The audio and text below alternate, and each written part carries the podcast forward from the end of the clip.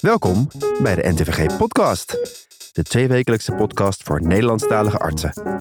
Ik ben wetenschapsjournalist Job de Vrieze en ik ga je ook in dit kerstverse jaar bijpraten over interessant en opvallend nieuws uit de recentste nummers van het NTVG. In deze aflevering hoor je onder meer over een veel voorkomend klinisch probleem waarmee vrijwel alle artsen in Nederland in aanraking komen. Bloedarmoede is even actueel als ooit, zo niet meer. Fileren onze artsen in opleiding Tim en Ernst-Jan weer enkele relevante wetenschappelijke artikelen. We bespreken vandaag twee leuke recent verschenen studies. En bespreken we welke strategieën de industrie gebruikt om huisartsen via papieren reclames te beïnvloeden om hun middelen voor te schrijven. Het is natuurlijk gewoon een ontzettend rare situatie. En eigenlijk hoort dat ook gewoon niet thuis, wat mij betreft, in tijdschriften. Zoals mijn collega Anne in de vorige aflevering al vertelde, gaan we stoppen met de rubriek Wat hoor ik daar? Ons spel waarin je de betekenis van geluiden met een geneeskundige link mag raden. Maar we laten jullie zo net na de kerst niet cold turkey afkicken. We doen er nog eentje. Eerst hoor je het geluid en later deze aflevering onthullen we wat het was. Daar komt ie.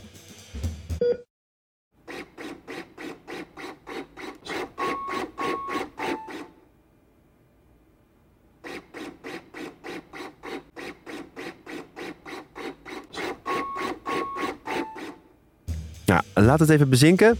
Gaan wij ondertussen door met het eerste interview van Anne. Anemie is een veel voorkomend klinisch probleem waarmee vrijwel alle artsen in aanraking komen. Het interpreteren van een anemie is niet altijd eenduidig.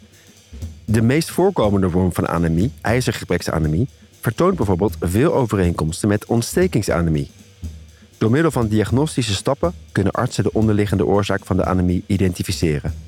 Om tot een juiste duiding en behandeling te komen, is een juiste interpretatie van het brede scala aan diagnostische mogelijkheden essentieel. Internist Jos Kouter en collega's van het VUMC beantwoorden in hun artikel 10 prangende lezersvragen over anemie. Anne bespreekt het artikel met hem. Goedemorgen Jos. Leuk dat je voor de tweede keer te gast bent in onze podcast. Dit keer niet voor de geluidsrubriek, maar voor een stuk dat je schreef over uh, anemie. Ja, goedemorgen Anne. Had van de crepitaties vorige keer naar nu naar uh, rode bloedcellen. En sowieso een eer het spits te mogen afbijten. Met juist zoiets ouds als anemie. Echt fantastisch. Ja. ja, want het lijkt ook een simpel probleem. Bloedarmoede, moeten we ons daar nog wel mee bezighouden in deze tijd? Ja, wat, wat simpel lijkt, is natuurlijk in de praktijk he helemaal niet zo simpel. En er is natuurlijk bijna geen patiënt bijvoorbeeld in het ziekenhuis zonder bloedarmoede. Dus bijna elke arts zal zich toch wel meerdere keren moeten verhouden ten opzichte van bloedarmoede en daar iets van vinden of iets mee doen. Dus ik, ik, het is even actueel als ooit, zo niet meer. En, en wat maakt het ingewikkeld? Ja, het is een hele. Het, je bloedgehalte wordt bepaald door een samenspel van dingen. Het enerzijds doet, het, doet de fabriek het goed, het merg. Hoe zit het met de bouwstof? Is er afbraak? Is er verlies? Er zijn zoveel nou ja, variabelen en die overlappen elkaar ook vaak. En dat overlappen maakt het natuurlijk ook best ingewikkeld. En zou zo'n. Uh, zou dat ingewikkelde probleem dan niet bijvoorbeeld simpel op te lossen zijn door het inzetten van uh, AI? Ja, nou ja, wie weet hè. Het zou zo kunnen. Als je het natuurlijk anemie ziet als iets heel mechanistisch, eh, zou je dat prima kunnen omzetten in de algoritme. Eh, het zou zomaar van, van waarde kunnen zijn. Een paar kleine twijfeldingen misschien. De vraag is of zo'n algoritme goed kan omgaan met continue in plaats van categorische variabelen. Dus als je sommige waarden als een, als een spectrum ziet en niet als een afkappunt, dan is het voor een algoritme lastiger. en, en, wat ik net ook al zei, het gaat natuurlijk vaak om deeloorzaken die elkaar overlappen. En, en vaak eindigen algoritmes in één oorzaak. Dus dat overlappende, dat zou nog wel eens een AI-probleempje kunnen zijn, maar in theorie ik ben benieuwd. Ja, jullie beginnen je artikel met het andere uiterste, met uh, Anthony van Leeuwenhoek, die in 1674 voor het eerst menselijke rode bloedcellen beschreef. Ja. Hoe belangrijk is tegenwoordig die handvaardigheid nog? Bijvoorbeeld in de beoordeling van een uh, bloedbeeld door de microscoop. Ja, nou ja, dat, handvaardigheid die wordt gelukkig gedaan. ik zou het zelf niet kunnen, maar zo'n zo'n uitstrijdje maken, ja, dat is ook gewoon, het is gewoon echt heel mooi. Het is bijna kunst om te zien. dat is natuurlijk al, al leuk. Maar enerzijds kun je daarin natuurlijk de dingen zien die je zoekt. Bijvoorbeeld hele lichte bloedcellen bij ijzergebrek.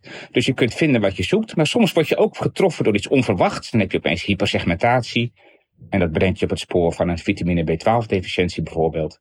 Dus het, het, ja, het kan gedachten bevestigen. Het kan je ook doen verrassen door iets onverwachts. En het heeft dus in die zin zeker nog een plaats in de diagnostiek. Het is een, een artikel dat bestaat over de meest gestelde vragen door lezers. Ja. En de eerste vraag gaat over de afkapwaarde bij ouderen. Want de definitie van een anemie is al bijna een eeuw oud. Voor mannen minder dan 8,1 eh, millimol per liter. En voor vrouwen is het min dan 7,5. In de populaties waarop deze definitie is gebaseerd, staat er geen mensen boven de 65 jaar. Zijn deze grenzen wel van toepassing voor alle leeftijdsgroepen? Of moet daar iets aan veranderen? Ja, dat, dat was toch wel een bijtertje om daar goed uit te komen. Ook nog niet zo makkelijk. Kijk, als mensen ouder worden, daalt het bloedgehalte. Dat is, dat is inderdaad zo. Is dat per se fysiologisch? Nou, dat is nog maar de vraag. Hè? Want je respons met erythropoïetine stijgt even goed bij ouderen als bij jongeren. Dus misschien is het wel helemaal niet zo fysiologisch. Gaat anemie gepaard met ziekte? Ja, natuurlijk. Um, op grond van die zaken hebben we gedacht, ja, volgens mij moet je toch de normaalwaarde handhaven van ouderen ten opzichte, zoals bij jongeren. Uh. Is het dan ook zinvol om volgens die, dat normale bereik, elke anemie bij een oudere uit te zoeken? Dat weten we feitelijk helemaal niet. En dat is denk ik heel erg persoonsgebonden. Dus normaalwaardes ja, verbetert de prognose elke anemie bij ouderen uit te zoeken? Misschien niet, dat weten we niet zo zeker. Ja, en is er meer buiten het ziekenhuis mogelijk dan nu gebeurt voor die analyse van bloedarmoede? Het klinkt nu allemaal vrij intensief Ja. wat er allemaal in een ziekenhuis moet gebeuren. Nou, de, de basics gebeuren ook hier. En daar moet je ook mee beginnen. Hè? Want je moet een st- een start maken met elke analyse. En die basics worden ook gewoon in de praktijk, ook bij huisartsenpraktijk, ook al vaak al prima gedaan. Je zou ook daar wel een stap verder kunnen gaan. Hè? Die mooie, eh, dat mooie bloeduitstrijkje waar je naar kijkt. Dat zou natuurlijk ook in een streeklab uitstekend kunnen. De vraag is alleen of alles wat kan ook moet. Hè? Want je kunt natuurlijk wel een huisarts belasten met uitslagen als 2 plus elliptocyten, 1 plus fragmentocyten en een enkele doornappelcel. Maar dan denkt misschien een huisarts ook van ja, wat, is dit nu weer? Hè? Wat moet ik er nou mee? En in die zin heb ik dat een stuk eenvoudiger. Want A, ik zie dat wat vaker. En B, het lab zit hier bij mij gewoon twee etages hieronder. Ik loop even langs en kijk mee. Of, nog fijner, ik heb hier hematologen zitten die ik even bel. Ik zeg van gooi op, kijk even mee. Wat vind je er nou van? En ik kan er gelijk wat mee. Ja. Dus sommige dingen zijn ook gewoon handiger om in een ziekenhuis te bepalen. Omdat de interpretatie wat anders ligt. Ja. Dus er kan veel perifeer, moet alles, weet ik niet zeker. En in het voorgesprek vertelde je me dat er ook vragen zijn die het artikel helaas niet hebben gehaald. Maar een daarvan vond ik wel heel interessant. Namelijk of bloedarmoede Ja. moeheid veroorzaakt. Want dat is namelijk wel wat je altijd hoort. Ja, ja nee, voor mij was dat dag één van mijn studie zo'n beetje. Dat, hè, van, van, van bloedarmoede word je moe. Ik vraag het op, op VWO, dan zeggen ze dat ook al. Misschien is het leuk dat feit dat die vraag niet gesteld is, omdat die misschien nog wel zo vanzelfsprekend wordt ervaren. En de, de vraag is alleen of het waar is. Ik, ik denk dat we dat niet zo heel goed weten. Als je ijzertekort hebt, heb je een probleem met je ATP-synthese en word je moe. En als je ijzergebrek hebt, heb je bloedarmoede. Maar word je van de bloedarmoede moe, en net zoals bij chronische ziekte, daar word je natuurlijk moe van, maar daar krijg je ook bloedarmoede van. Word je nou van de bloedarmoede moe of van een chronische ziekte? Eh, dus die associatie is er wel. Is er ook causatie? Nou, dat is niet zo heel evident. Want soms als je anemie behandelt met erythropoïetine, zoals bij een eh, specifiek iets zoals bij nierensufficiëntie of myelodysplasie, dan zie je natuurlijk wel een effect op het hemoglobinegehalte. Hè, dus de anemie vermindert, om het zo maar te zeggen. Maar het effect op welbevinden, maar ook moeheid, is maar heel beperkt als het al aanwezig is. Dus word je moe van anemie? Dat is nog maar de vraag, denk ik. Dankjewel Jos. Graag gedaan, Anne. Dank Anne en Jos. Het artikel van Koten en collega's vind je uiteraard op de website onder podcast. En reageren mag zoals altijd via podcast.ntvg.nl. De warme douche is deze keer voor kinderverpleegkundige Roy Hazen van het UMC Utrecht. Hij merkte in de praktijk dat het loskoppelen van neus-maagsondes voor geen enkele betrokkenen een lolletje is. De patiënt heeft er veel last van, de verpleegkundige is er veel tijd aan kwijt en het kost dus ook heel veel geld. Samen met een student industrieel productontwerp, het innovatielab en de medische technologie en klinische fysica maakte hij de R-key. Dat is een handig steeksleuteltje dat het loskoppelen aanzienlijk vereenvoudigt. Welkom Roy. Dankjewel. Even terug naar het begin. Hoe is dit product er gekomen? Hoe ontstond het idee van hier moet iets aan gebeuren? Het, eh, het idee is eigenlijk ontstaan, en ik denk dat elke verpleegkundige dat wel kan herkennen, is op het moment dat je in de praktijk een zonde tegenkomt die te strak zit en je eigenlijk hem niet los kan krijgen, dat je dan genoodzaakt bent om een kogger te gebruiken, een medisch tangetje, eh, eigenlijk met alle gevolgen van dien. Het uh, oogt heel klungelig wanneer jij op zoek moet ook nog naar een tweede kogger, dus een extra collega. En uh, zo'n meestangetje kan ook nog eens een keer de zonde kapot maken. En uh, ik dacht dat moet anders. En inmiddels nu een oud collega, daar de zoon van, die deed 3D printen en prototypes maken en studeert nu ook aan de TU Eindhoven. En daar heb ik eigenlijk dit probleem ook aan voorgelegd met eigenlijk de oplossing. Een soort steeksleuteltje met de afmetingen en eigenlijk een half uur later zei hij: Ik vind het een ongelooflijk tof idee. Het ligt al onder de 3D-printer. En uh, morgen uh, neemt mijn moeder het voor je mee. En uh, het was op de werkvloer. We hebben het getest. En het werkte feilloos. Ja. En dat idee hebben we toen uiteindelijk ook gepitcht aan het Innovatielab, onderdeel van het UMC Utrecht. En zij hebben meegedacht met ook design, maar ook qua materiaal, uh, ook qua hygiëne, ziekenhuishygiëne, um, wat er allemaal mogelijk is. En dat het eigenlijk aan heel veel dingen voldoet. Um, dat heeft ongeveer een jaar daarna geleid dat we het, uh, het hele WKZ konden voorzien uh, van de Arki. En wanneer kan de rest van Nederland en de rest van de wereld dit gaan gebruiken? Um, als het aan mij ligt, eerder gisteren dan morgen. Wat mensen om me heen die zeiden van hey, is het niet een idee om dit mee te laten doen aan een Eureka Mega Challenge. Een soort Dragon's Den, Shark Tank-achtige setting, competitie waarin je ideeën kan pitchen en daar hopelijk funding voor kan krijgen uh, om dat op te schalen. Um, wij hebben dit gedeeld op LinkedIn. En nou goed, dat is inmiddels bijna 200.000 keer bekeken. En alle reacties eronder zeiden voor 95% wanneer is het er, wanneer kan ik het kopen, wanneer komt het er, waarom hebben wij het nog niet, uh, kunnen we contacten, wij willen het ook. Dus die ideeën die lopen, vraag is een beetje hoe we dat nu gaan aanpakken. Daar gaan we werk van maken. Dankjewel en succes daarmee. Graag gedaan, dankjewel. Het moment is weer aangebroken om ons oor te luisteren te leggen bij onze medische commentatoren. De mannen van de House of Podcast, Tim Dekker en Ernst-Jan van het Woud. Zij komen voor ons iedere keer stapels medische literatuur door. Heren, wat hebben jullie dit keer voor ons gevonden? Ja, dankjewel uh, Job. We bespreken vandaag twee leuke recent verschenen studies. Straks een Nederlandse studie met de vraag of er ook een keerzijde zit aan shared decision making. Maar nu eerst een voor mij een nieuwe behandeling van aortoklepstenose. En dat is een nieuwe, mooie, niet-invasieve behandeling. Tim, jij bent hier enthousiast over. En ik eigenlijk ook. Want de studie beschrijft dus die nieuwe behandeling van aortoklepstenose. Leg ons uit, hoe werkt dit en uh, ja, wat moet de luisteraar hierover weten? Ja, en Jan, het is altijd leuk om te lezen over nieuwe behandelmogelijkheden. En dat is ook wat beschreven wordt in dit artikel door Messas en collega's uit de Lancet.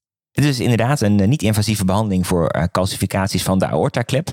Um, het is een apparaat, de Velvosoft, waar je een soort van ultrasone trilling mee kan toedienen.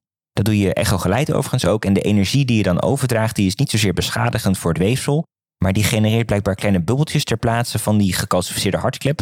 En dat heeft dan daar weer een gunstig effect op. Dus daarmee zou je ook uh, gecalcificeerde hartkleppen kunnen behandelen. Ja, en nou is uh, dat nu meestal het geval dat je dat doet met een zogenaamde TAVI, een transcatheter aortic valve implantation. Dat is dus een percutane procedure.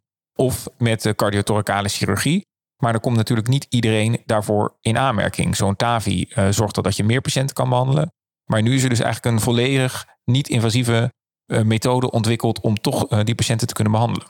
Ja, precies. Dus de behandeling wordt toegediend in een sessie van ongeveer 60 minuten, eh, waarbij de patiënt op een onderzoekstafel ligt. En de behandeling wordt wel met sedatie verricht overigens, maar dan wordt er een echoapparaat op de hartklep gericht en dan wordt om de 10 minuten ongeveer wordt de positie aangepast om een ander deel van de klep te bereiken. En dan wordt er dus met dat echoapparaat dus die trilling toegediend. Nou, in deze studie hebben de onderzoekers deze behandeling op 40 kwetsbare ouderen eh, met een ernstige symptomatische aortaklepstenose uitgevoerd die eh, niet meer in aanmerking kwamen voor een TAVI en dus uh, met deze behandeling werden behandeld. Ja, en dan zijn er denk ik twee dingen belangrijk. Eén is natuurlijk, is het, is het veilig? En twee, zijn er aanwijzingen dat het ook effectief is. En misschien maar in dit stadium met de veiligheid beginnen. Want je kan je er iets bij voorstellen dat het toch spannend is als je iets met een gecalcificeerde aortaklep gaat doen. En dan met name ben je bang voor het risico op embolisatie. En dus voor herseninfarcten. Nou hebben de auteurs daar naar gekeken. Vonden ze inderdaad herseninfarct als complicatie? Daar hebben ze inderdaad naar gekeken en gelukkig vonden ze daar geen aanwijzingen voor. In ieder geval in deze 40 patiënten werden geen ischemische CVA's gerapporteerd. En ook in een subgroep van de studiepatiënten zijn ook MRI's gedaan van de, van de hersenen. En daar werden gelukkig geen aanwijzingen voor gevonden. Ook niet voor embolisatie naar elders in het uh, lichaam. Uh, er was wel één patiënt met een, um, met wel een serieuze bijwerking. Het was een mevrouw van uh, 97 jaar. Die kreeg 1 milligram morfine IV vanwege pijn. En die werd daar bradypnoïs bij. En er werd ook een saturatiedaling gezien. Maar gelukkig had het geen, geen serieuze gevolgen voor deze patiënten. Eigenlijk waren er ook niet echt hele grote bijwerkingen. Sommige patiënten rapporteerden wel wat pijn en wat discomfort tijdens de ingreep. Maar het was gelukkig allemaal niet heel ernstig. Dat gezegd hebbende, er zijn wel een aantal mensen overleden. Dat is denk ik ook wel te verwachten in een cohort van patiënten met een eh, mediane leeftijd van 83 jaar met een ernstige symptomatische aortaklepstenose, die niet in aanmerking komen voor een andere vorm van klepvervanging. Maar goed, in de publicatie wordt wel beschreven dat er op zes maanden 12 patiënten waren overleden. Dat was allemaal om uiteenlopende redenen en het was in ieder geval allemaal niet rondom de ingreep overigens. Dus dat is wel goed om te weten. Ja, en dat is ook vergelijkbaar met wat andere studies beschrijven hè, over deze patiëntencategorie. Dan, uh, tweede punt, zijn er aanwijzingen voor effectiviteit in deze studie? Die waren er zeker. Nu was deze studie niet opgezet om het te vergelijken met de TAVI, want daar waren de, de, de geïncludeerde patiënten voor afgekeurd. En er was ook geen vergelijking met een placebo gedaan. Dus we kunnen misschien niet heel veel zeggen over effectiviteit op basis van deze studie. Maar uh, de onderzoekers vertellen daar wel iets over. En uh, ze rapporteren namelijk een verbetering in, het aantal, in een aantal klepparameters. En ook een verbetering in de gemiddelde NIA-classificatie. Dat is die, die functionele klassificatie van hartfalen. Dus patiënten lijken er echt wel degelijk baat bij te hebben. Het is nu maar de vraag wat de patiënt hier alleen op lange termijn aan heeft. En ik denk dat je met name nu mee moet nemen dat het een veilig onderzoek is. Ik denk ook dat het echt wel een positieve impact kan hebben, maar dat we eh, ja, nog verdere studies moeten gaan doen om te ontdekken welke plek het gaat krijgen in de, in de praktijk. Zeker, ja. Ik, ik zou vooral benieuwd zijn naar een vergelijking in deze patiëntengroep met de placebo, waarin dan ook gekeken zou worden bijvoorbeeld naar eh, opnames met de decompensatio cordis, het wat hardere eindpunten. Verder suggereert de fabrikant van de Velvo Soft ook dat het misschien ook wel in preventieve setting een behandeloptie zou zijn. Dus wellicht dat het ook in andere stadia onderzocht gaat worden. Waarbij je ook nog kan denken dat meer ervaring en ook technische vooruitgang deze behandeling in de toekomst ook nog effectiever kan maken. Dus wat mij betreft wel iets om met uh, interesse te blijven volgen. Ja, en dan nu door naar een uh, mooi Nederlands artikel over shared decision making. Dat is een artikel van Van der Water en collega's uit het AUMC. En zij staan in het uh, tijdschrift Medical Decision Making. En Jean, kan jij kort uitleggen waar het over gaat? Ja, de onderzoekers die wilden graag kijken of shared decision making in de setting van palliatieve kankerbehandeling ook negatieve effecten kan hebben. En je kan bij die negatieve effecten dan bijvoorbeeld denken aan ja, gevoelens van spanning of hulpeloosheid bij de patiënt. En shared decision making in de setting van palliatieve behandeling zeker wordt natuurlijk ontzettend aangemoedigd om de individuele wensen van de patiënt mee te wegen in de behandeling. Het is ook goed voor de autonomie van de patiënt. En ja, er zijn ook onderzoeken die aantonen dat het leidt tot beter ervaren communicatie door de patiënt en zelfs ook betere kwaliteit van leven. Uh, toch is het niet altijd alleen maar winst te behalen met shared decision making. Dat is iets wat ik, denk ook jij Tim wel, herken uit de, uit de spreekkamer. Meer informatie en meer gedeelde besluitvorming wordt door de patiënt niet altijd alleen maar als beter ervaren. En hoewel dat ook vaker gesuggereerd wordt eh, in de literatuur, dat shared decision making kan leiden tot meer spanning en stress, is er eigenlijk nog weinig onderzoek naar gedaan. Ja, en daar is nu dus verandering in gekomen. De auteurs gebruiken data van een eerder verricht onderzoek uh, wat ze hebben gedaan, namelijk van de CHOICE-studie. En daarin werd gekeken of speciale training in shared decision making ook echt leidde tot een betere betrokkenheid van de patiënt in vergelijking met uh, enkel een informatiebrochure. Nou, dat was het geval en dat hebben ze ook al eerder gepubliceerd. Uh, een shared decision making training van de behandelaar leidde tot objectief meer shared decision making en het werd ook zo ervaren door de patiënt. Maar goed, waar de onderzoekers nu vooral naar hebben gekeken, is het ook of dit ook negatieve effecten kan hebben. Patiënten konden uh, vooraf uh, bij deze studie aangeven wat voor rol zij in het besluitingsvormingsproces graag zouden willen hebben, of in ieder geval wat hun voorkeur had. Misschien meer een passieve rol, of juist een hele actieve rol, of juist een wat meer gedeelde rol in het besluitvormingsproces. En dan hebben ze ook nog scorelijsten ingevuld over negatieve gevoelens die zij tijdens het proces hebben ervaren. Dus denk daarbij aan angst, spanning, uh, hopeloosheid, verlies van vechtlust of beslissingsonzekerheid. En dat werd gedaan één week na de eerste consult en op drie en zes maanden. En vervolgens werd gekeken of er een relatie was tussen deze uh, negatieve gevoelens en de mate van shared decision making in de consulten. Ja, klopt. En uiteindelijk hebben we bijna 200 patiënten bij 31 oncologen een consult gehad. En wat opviel in de resultaten was dat één week na dat consult opviel dat er meer onzekerheid over de behandelbeslissing, de te nemen beslissing was, en meer spanning naarmate er meer shared decision making plaatsvond in het consult. En na drie maanden waren er geen duidelijke verschillen meer. En wat ook wel opvallend is dat bij die beoordeling van die mate van shared decision making werd gekeken naar verschillende elementen. Dus die consulten die werden onafhankelijk beoordeeld. En dan, dan viel op dat een aantal elementen, zoals bijvoorbeeld het exploreren van de patiëntwaarden en voorkeuren, die waren niet gecorreleerd aan die negatieve gevoelens. Maar andere elementen van shared decision making, zoals bijvoorbeeld het informeren over alle mogelijke behandelopties, wel. Dus blijkbaar, hoe meer je misschien aanbiedt en informeert, uh, dan kan dat ook tot meer onrust bij de patiënt leiden. Ja, en dat is best wel heel erg herkenbaar. Hè? Want natuurlijk, uiteraard zal het denk ik per patiënt en per setting verschillen. Maar, maar informeren naar wat belangrijk is voor patiënten leidt dus niet tot meer negatieve gevoelens. Maar uitvoerig alle opties bespreken blijkbaar wel. Nou, wij hebben dat denk ik ook wel regelmatig op de polykliniek. Je merkt dat het voor sommige mensen echt wel stress oplevert als ik alles heel uitgebreid bespreek. En dat ligt dan hopelijk niet aan mij in deze context, maar dat is wel de reactie die het op sommige mensen heeft, terwijl het door andere mensen juist weer enorm gewaardeerd wordt. Dus daarom was ik ook eigenlijk best wel verbaasd dat de voorgestelde rol van de patiënt, dus hoe actief ze in dat besluitvormingsproces wilde zijn, ja, eigenlijk geen invloed had op hoeveel eh, negatieve gevoelens ze ervaren. Dat vond ik wel, wel interessant. Ja, zeker. Dat vond, dat, dat vond ik ook echt wel uh, opvallend. Wat de onderzoekers verder uh, aanhalen, is dat dit er misschien ook gewoon deels bij hoort. Hè? Als een patiënt daadwerkelijk volledig geïnformeerd wil worden en op de hoogte wil zijn van alle opties en de voor- en nadelen daarvan, dan hoort daar ook bij dat je enige spanning en stress hebt over of je wel of niet de juiste keuze neemt. Maar de vraag is, is of dat dan daadwerkelijk een probleem is.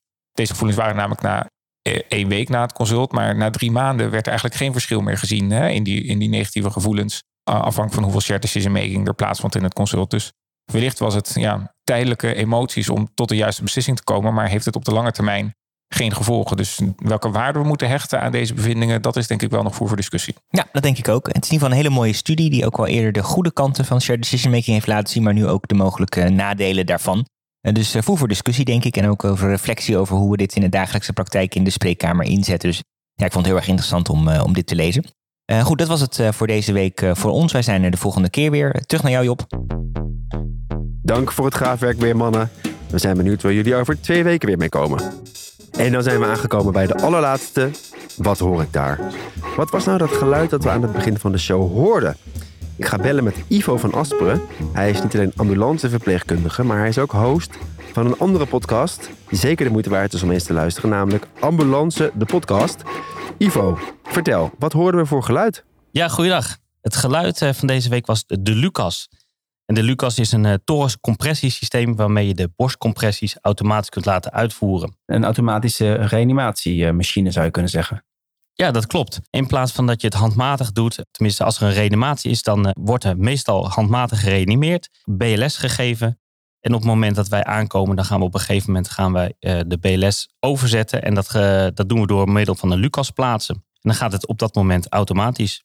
Ja, het ziet er super indrukwekkend uit. En uh, wat is eigenlijk bekend over die meerwaarde precies voor jullie als professionals en voor de patiënt? Voor de professional is de grootste meerwaarde dat het heel veel rust geeft in de reanimatie. Het is natuurlijk al heel chaotisch vaak in reanimatie. Er komen veel mensen, er is paniek, er zijn veel ruis, uh, veel geluiden. En nu heb je die wisseling van mensen die uh, hartmassage geven, die heb je niet meer nodig. Dus de communicatielijn valt uit. Dus je hoeft met die mensen niet meer te communiceren en dat geeft bepaalde rust. En dat apparaat gaat ook constant onder één ritme verder. En dat geeft uh, ja, best wel wat rust tijdens een reanimatie. Dan kan je meer concentreren op de overige handelingen. Daarbij, als je weinig ruimte hebt, denk aan een reanimatie in een keukentje. Uh, en dan, ja, dan wil je met zo min mogelijk mensen zijn. Dan heb je nu weer twee personen minder. Want die apparaat dat gaat gewoon, uh, is klein en zet je bovenop zo'n patiënt. Dus dat is ook een voordeel. Daarbij, um, als een patiënt uit huis gehezen moet worden, denk aan een bovenverdieping. En kan zo'n patiënt natuurlijk niet van de trap af. Dan doen we dat met de brandweer. En voorheen dan moest je echt twee minuten stoppen, want het afhijzen duurt ongeveer twee minuten. En er werd twee minuten iemand niet gereanimeerd. Ja, dat is natuurlijk niet wenselijk. En op dit moment kan je iemand um, uit huis takelen en dan kan er doorgereanimeerd worden middels die uh. Dan gaan we natuurlijk op transport met een patiënt naar een ziekenhuis. Um, ja, het is niet wenselijk dat wij met 140 km per uur over snelweg uh, losstaan in zo'n ambulance en aan het, uh, nou ja, aan het masseren zijn. Dat is voor niemand veilig. Um, maar op dit moment kunnen wij dus gewoon in de riem vast. En uh, gaat het apparaat gaat gewoon constant door. Dus het uh, transport van een patiënt is ook uh, veel veiliger geworden. Dankjewel, helder verhaal. Prima. En dit was hem dus. Ons laatste medisch getinte geluid. Vind je het jammer? Je kunt natuurlijk alle eerdere afleveringen gewoon nog een keer beluisteren. We gaan door naar het tweede interview van Anne. Huisartsen worden bestookt met allerlei reclame uit de farmaceutische industrie. Marloes Dankers, apotheker bij het Instituut Verantwoord Medicijngebruik en promovenda aan de Rijksuniversiteit Groningen, onderzocht de strategieën die de industrie gebruikt om huisartsen via papieren reclames te beïnvloeden om zo hun middelen voor te schrijven. Anne bespreekt met haar wat die strategieën zijn. Waar ligt de grens en schrijft die op, zoals in Amerika? Goedemorgen Marloes, welkom uh, bij de podcast. Goedemorgen, dankjewel. We zeiden het al in de intro, huisartsen krijgen veel reclame per post op zich af. Wat is dat zoal? Wij hebben gekeken inderdaad naar wat, wat huisartsenpraktijken dus opgestuurd krijgen. Dus echt de fysieke post die in de brievenbus valt. En in de maandtijd hebben we twintig verschillende praktijken, alles wat ze kregen vanuit de farmaceutische industrie, voor ons bewaard. En dat leverde in totaal 68 verschillende unieke materialen op. En dat was eigenlijk best breed. Er zaten bijvoorbeeld advertenties tussen in medische tijdschriften, maar ook koffers die om tijdschriften waren geslagen, uh, informatiebrieven, uh, flyers, fancy brochures. Dus eigenlijk nou ja, een heel breed spectrum van allerlei papieren marketingmaterialen. En wat zijn de effecten van al die materialen op bijvoorbeeld voorschrijfgedrag? In dit onderzoek hebben wij niet gekeken wat het uiteindelijke effect is van die materialen. Maar we weten wel uit eerdere onderzoeken dat er gewoon een directe relatie is tussen marketing en het vaker voorschrijven van nieuwe geneesmiddelen. En dan gaat het natuurlijk over marketing is veel breder dan alleen die papieren materialen. Dat is daar maar een onderdeel van. Maar er is bijvoorbeeld in 2010 een uitgebreid review geweest naar effecten van allerlei type marketingmaterialen. Of marketingactiviteiten eigenlijk moet ik zeggen.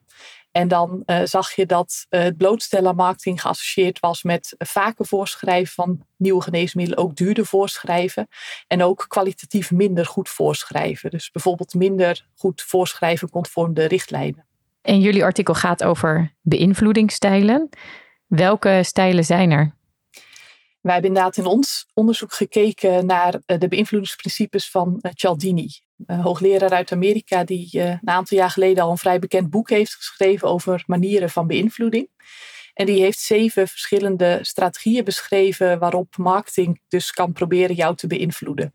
En dat varieert van principes als uh, wederkerigheid, schaarste, maar ook bijvoorbeeld autoriteit, het aanhalen van kredietwaardige personen of instanties, sociaal bewijs. Dus eigenlijk een heel scala van verschillende strategieën. En wat is volgens jou de meest gevaarlijke strategie? De meest gevaarlijke is denk ik een strategie die wij hebben gevonden, die overigens niet in dat model van Cialdini zat. Um, en we hebben die strategie de naam emotionele druk gegeven. En dat is een strategie waarbij de arts direct aangesproken werd op zijn of haar verantwoordelijkheid om zelf het beste te doen voor de patiënt. Um, dus we hadden bijvoorbeeld uh, een uh, advertentie die grote kopte, had deze beroerte voorkomen kunnen worden. En dan stond er een afbeelding onder van een patiënt met nou ja, een overduidelijke, die overduidelijk een broed had, had scheve mond, uh, verdrietige gezichtsuitdrukking. Uh, en dan staat eronder, u kunt deze patiënt helpen. Uh, ja, dat is denk ik wel een, een voorbeeld van, nou, is misschien bijna een soort van emotionele chantage. Ja. Die we best vaak zagen, kwam zo'n 30% van de materialen voor. En die denk ik best gevaarlijk kan zijn. Kun je er dan als patiënt nog wel van uitgaan dat je altijd het juiste medicijn krijgt? Nou, we hebben in Nederland gelukkig veel instanties die zich bezighouden met echt objectieve informatievoorziening over geneesmiddelen. Denk bijvoorbeeld aan de richtlijnen. Die staan in Nederland ook in vergelijking met andere landen goed aangeschreven en worden ook goed gevolgd. Maar die marketing is er wel en die heeft ook wel een rol. Dus ja, je kunt het ook niet helemaal uitwissen. Ja, nu keken jullie in jullie onderzoek naar vooral naar beïnvloeding van huisartsen via papieren marketingmaterialen. Nu probeert de industrie natuurlijk ook het algemene publiek te beïnvloeden. Uh, in Nederland mag je publiekelijk geen reclame maken voor geneesmiddelen die op recept te verkrijgen zijn. In landen als Amerika mag dat bijvoorbeeld wel. Zullen wij ooit die kant op gaan, denk je, of uh, zal het hier juist alleen maar strenger worden? Nou, ik hoop vooral niet dat we die kant op gaan. Ik, ik denk het eerlijk gezegd ook niet. Het, het, is wel een redelijke uitzondering dat publieksreclame voor receptgeneesmiddelen uh, mogelijk is en mag ook van de overheid. Uh, dat is inderdaad in Nederland niet zo. En ik verwacht niet dat we daar zo snel van af zullen stappen. Dat, dus dat het wel weer terugkomt. Het uh, punt is wel, ook daar zie je dat de farmaceutische industrie wel weer andere manieren weet te vinden. De symptoomreclame is een beruchte.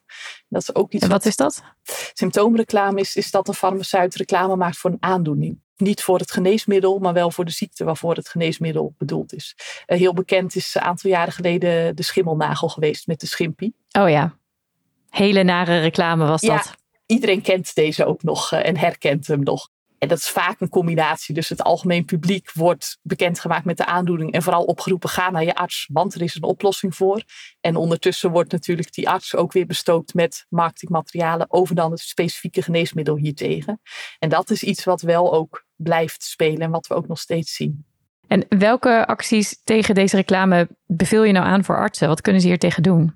Het eerste is denk ik dat het belangrijk is om je bewust te zijn van de manieren waarop deze marketingmaterialen werken.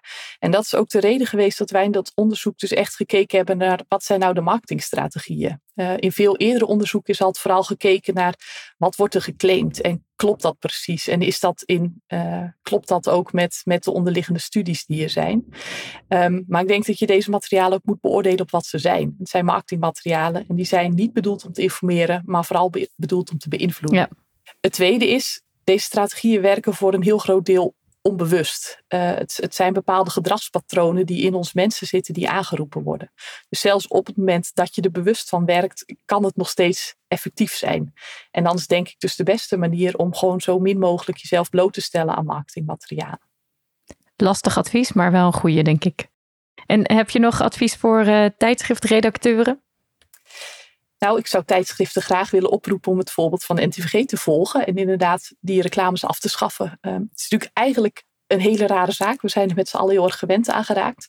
Maar naast alle artikelen die allemaal tot doel hebben om, om de zorg voor patiënten te verbeteren, staan glossy advertenties afgedrukt die tot doel hebben om bepaalde geneesmiddelen in de pen te krijgen. dat is natuurlijk gewoon een ontzettend rare situatie. En eigenlijk hoort dat ook gewoon niet thuis, wat mij betreft, in tijdschriften. Dankjewel, Marloes. Graag gedaan. Dankjewel Marloes en Anne. Het artikel van Dankers Co is te vinden op ntvg.nl onder podcast. En reageren mag weer via podcast.ntvg.nl. Hiermee hebben we het spits afgebeten voor 2024. Over twee weken praat mijn collega Anne van Kessel hier weer bij over het laatste medische nieuws. Heb je een vraag of suggestie voor een van onze rubrieken?